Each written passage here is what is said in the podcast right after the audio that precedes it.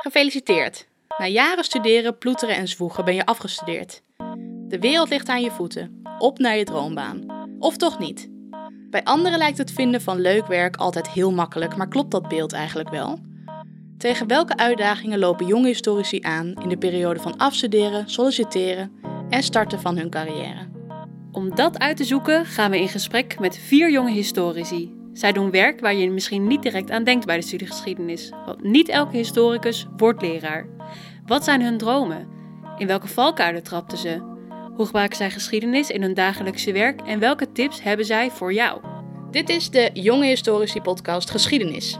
Ik ben Marit Berens, fondsenwerver en jong historicus van het jaar 2019. Ik ben Martine van der Veer, historicus en journalist en dit is aflevering 4, de archivaris.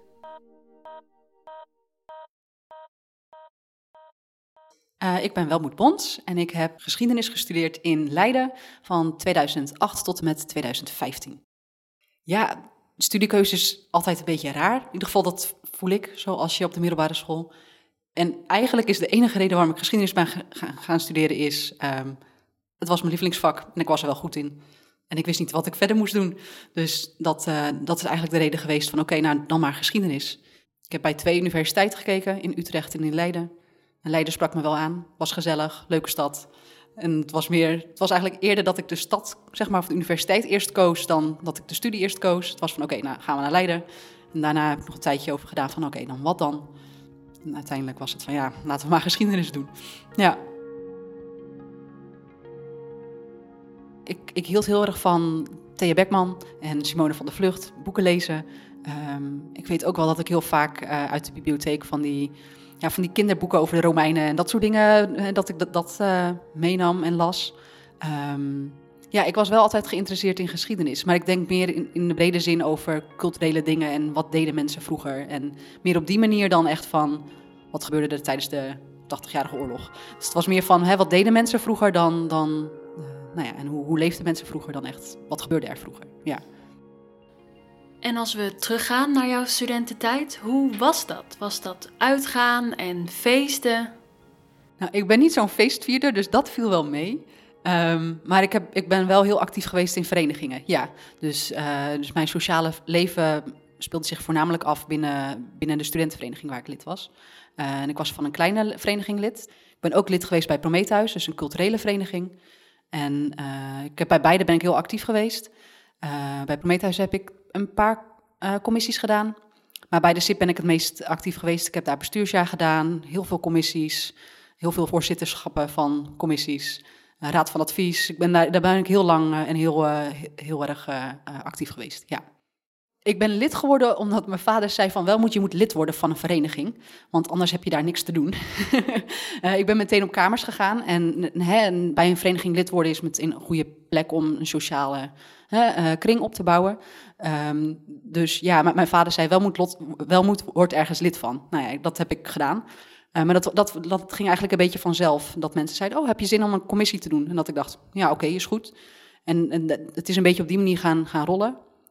Uh, maar in de loop van de jaren eh, merkte je wel dat, dat je steeds uh, meer mensen tegenkwam. Dat waren vooral oudleden van de SIP. Die zeiden van ja, je bent nu wel echt iets aan het opbouwen voor je cv wat, wat handig is. Maar het kwam niet daar vandaan. Maar het was wel op een gegeven moment was het van, oh ja, ik ben wel iets aan het doen wat mee kan helpen voor later. Ja. En wist je in die tijd ook al wat je met de studie wilde doen? Nee, ook niet. Nee, ik ben, ik, als ik terugkijk naar mijn studententijd en over hoe ik nadacht over wat gebeurt erna, was het gewoon heel erg van, ik ben aan het studeren en ik zie het wel, zeg maar.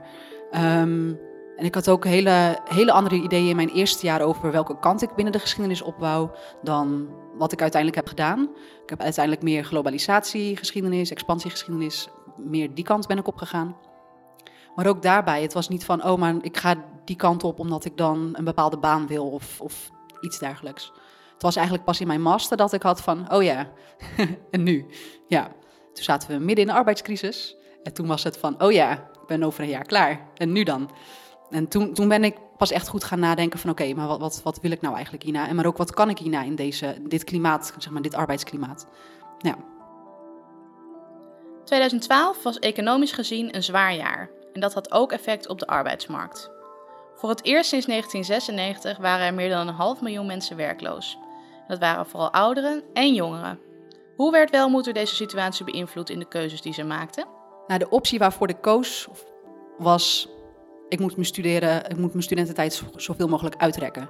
In de hoop dat tegen de tijd dat ik klaar ben, de markt weer beter is.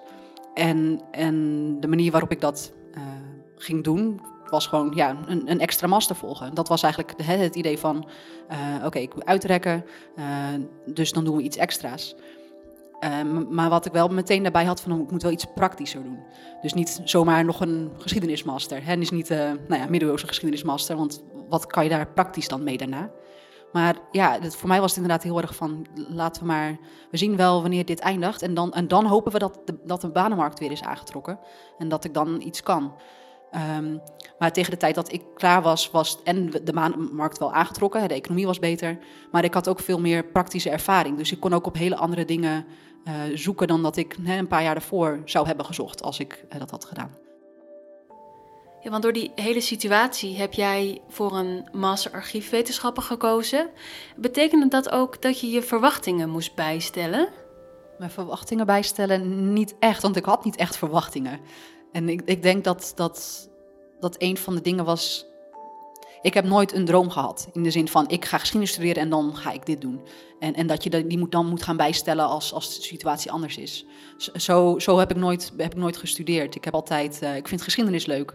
En ik zie het wel. Dat, dat, ja, achteraf hè, terugdenken dat je denkt van... Hm, had ik misschien iets anders kunnen doen. Uh, hè, dat is wel heel erg naïef en heel erg uh, nou ja, simpel om, om over hè, een studie na te denken. Maar aan de andere kant, ik, ik, ben, ik ben er ook wel weer gekomen, zeg maar. Ik, ik, ik denk ook omdat ik geen dromen of verwachtingen had, vond ik het allemaal wel oké wat er gebeurde. Hè, ik, ja, tuurlijk, je bent op zoek naar een baan en je hoopt op een redelijk oké baan, maar ik ik vond het niet erg om, om uh, een andere studie te gaan doen. Of um, ik heb geen militaire geschiedenis gestudeerd. Ik ben hier terechtgekomen. Ik vind het, ik vind het ook niet erg dat ik niet met, mijn, met het onderwerp bezig ben waar, waar, uh, waar ik voor heb gestudeerd. Het historische onderwerp. Hè, dat, ja, ja ik, ik denk dat ik daar redelijk makkelijk in stond. En dat ik daarom dus ook nooit ja, verwachtingen echt moest bijstellen of, of teleurgesteld was met, met wat er gebeurde. Ja, want als ik jouw studententijd met die van mij vergelijk, dan was dat toch wel heel anders door die hele arbeidscrisis. En heeft die situatie jou ook heel erg beïnvloed? Ik ben dan in 2008 begonnen met studeren. Nou, en ik heb vier jaar over mijn bachelor gedaan, dus in 2012 met mijn master begonnen. En, en als ik kijk naar mijn, mijn vriendengroepen, zeg maar de mensen die, die allemaal een beetje rond dezelfde tijd zijn gaan studeren. En ik vergelijk dat bijvoorbeeld met mijn, het, de vriendengroep van mijn zusje, die een paar jaar later is gaan studeren. En ook dus een paar jaar later uh, dat iedereen begon af te studeren. Er zit een heel erg verschil tussen waar mensen zijn terechtgekomen. Uh, en, en het is niet dat, dat iedereen uit mijn generatie, om zo maar te zeggen, allemaal slecht zijn terechtgekomen. Maar ik heb daar veel meer uh, de hobbels en de struggles gezien. en dat betekent dus eigenlijk dat als je dus afstudeert in een tijd dat het slecht is, je dus meer je best moet doen om met, in de hoop dat, dat je dan vijf jaar later beter terecht bent dan, dan de mensen die vijf jaar later afstuderen. in, in, met het idee dat die in een betere tijd zullen afstuderen. En hoe doe je dat dan, meer je best doen? Als je alleen maar een universitaire opleiding hebt, dan kom je gewoon nergens. En je komt er misschien wel ergens als je in een hele goede tijd afstudeert, maar je komt nergens als je in een tijd afstudeert dat het, dat het moeilijk is. En ik heb dat ook altijd aan mensen die na mij kwamen, heb ik gezegd van, je moet commissies gaan doen. Je moet een bestuursjaar gaan doen als dat past. je, moet, je, moet iets, je moet iets doen, iets extra's doen dan, dan alleen studeren. Of alleen lid zijn van een vereniging. Um, dus ja, dat is wel iets wat ik altijd ja, tegen mensen probeer te zeggen van, doe iets. En dan, uh, ja. Ja, want uiteindelijk vond je best wel makkelijk een baan, toch? Kan je vertellen hoe dat ging?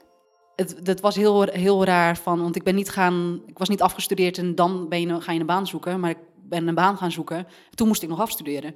Uh, en ik was wel bijna klaar met mijn, mijn mastergeschiedenis. Ik had mijn scriptie, de eerste versie had ik ingeleverd in de zomer van 2015. En, hè, um, en ik had een jaar archiefwetenschappen achter de rug. Dat is een anderhalfjarige master, dus ik moest nog een semester. Ehm, en ik had stages gelopen binnen de archiefsector. Uh, dus ik dacht, nou, ik kan wel in ieder geval op zoek gaan naar iets parttimes of een soort van startersbaan uh, binnen de archiefsector. Iets in die richting dat ik echt een baan zoek.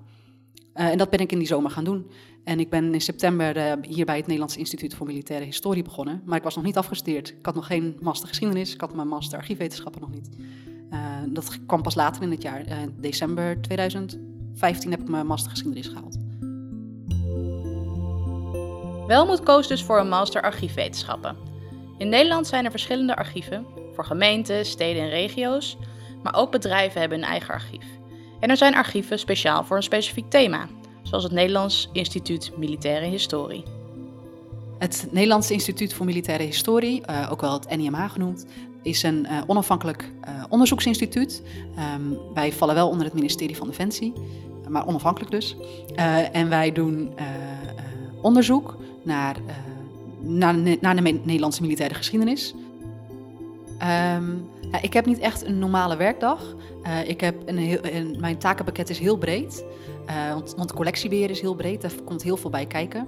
Uh, of dat nou het digitaliseren van, van collecties zijn, zodat we ze digitaal kunnen aanbieden. Of dat het nou is dat een collectie uh, nog helemaal niet is bewerkt. Dus ze moeten nog vanuit, uh, zoals wij altijd zeggen, vanuit de bananendozen worden omgepakt. Netjes in goede bundels van de, stukken die bij elkaar horen, met de beschrijvingen, et cetera. Ja, dat vind ik heel leuk. En ik vind ook heel leuk, je bent altijd bezig voor, voor de gebruiker van, van je collecties. Um, en dat vind ik ook zo leuk aan dit instituut het instituut is een, een onderzoeksinstituut. Dus we, zijn, we denken heel erg vanuit de informatie die we kunnen, kunnen leveren aan, aan mensen die, uh, die daar interesse in hebben. En waar denk je dat je over vijf jaar werkt? Wat zijn je dromen? Nou, ik, ik, het grappige is, ik, ik weet dat ik stond dus heel erg van, ook oh, zie, ik zie het wel in het leven, ook tijdens mijn studie. En ik, ik, dat is nog niet veranderd. Dus het is heel erg van, ja, ik zie het wel. Um, uh, ik, ik, hoop, ik hoop gewoon in de archiefsector te blijven werken. Ik hoop dat ik uh, altijd een, een, connectie heb met, met, iets dienstverlenend of met de geschiedenis, hè, mensen helpen. Um, maar of dat nou hier bij het NIMA is of dat er iets op mijn pad komt in de komende jaren en dat, dat, ik, dat ik dat probeer, hè, dat ik daar achteraan ga, dat weet ik niet. Nee. En heb jij een tip voor de luisteraar? Misschien een les die je hebt geleerd die je wil meegeven? Misschien dus wel van haak je jezelf niet te veel vast aan je dromen. Ik denk dat het heel lastig is als je, als je jong bent en je hebt van, oh, ik word archivaris, ik zeg maar wat. Um, en, en, en dat op een of andere manier het niet lukt. Of dat op een of andere manier het niet is wat je denkt of hoe, hoe het gaat. En, um, en in, tuurlijk, je moet altijd proberen te ontwikkelen en hè, te, streven voor, voor, voor nou ja, iets, iets meer of beter of, of wat dan ook. Um, dat is het niet. Maar je moet er wel van uitgaan dat het misschien niet altijd werkt zoals je voor, voor, voor ogen had. Of dat uh, er, er, er, opeens een crisis kan gebeuren die je op je 17e, 18e niet hè, voorzien had. En dat je dan vier jaar later hebt van, oh ja, wat nu dan? Um, hè, dus, dus probeer, ik denk dat dat een misschien wat relaxtere houding in, in wat je toekomst brengt, dat dat uh, heel nuttig is voor mensen. Uh, het kan natuurlijk ook verkeerd uitpakken. Uh, hè, dus dat je dan te laks bent in van, oh, ik zie het wel. Maar ik, ik denk dat, dat over het algemeen, als je, je je opties heel breed houdt, en maar ook gewoon je ideeën en je wensen en je dromen heel breed houdt, ehm, dat je dan nooit teleurgesteld zal zijn.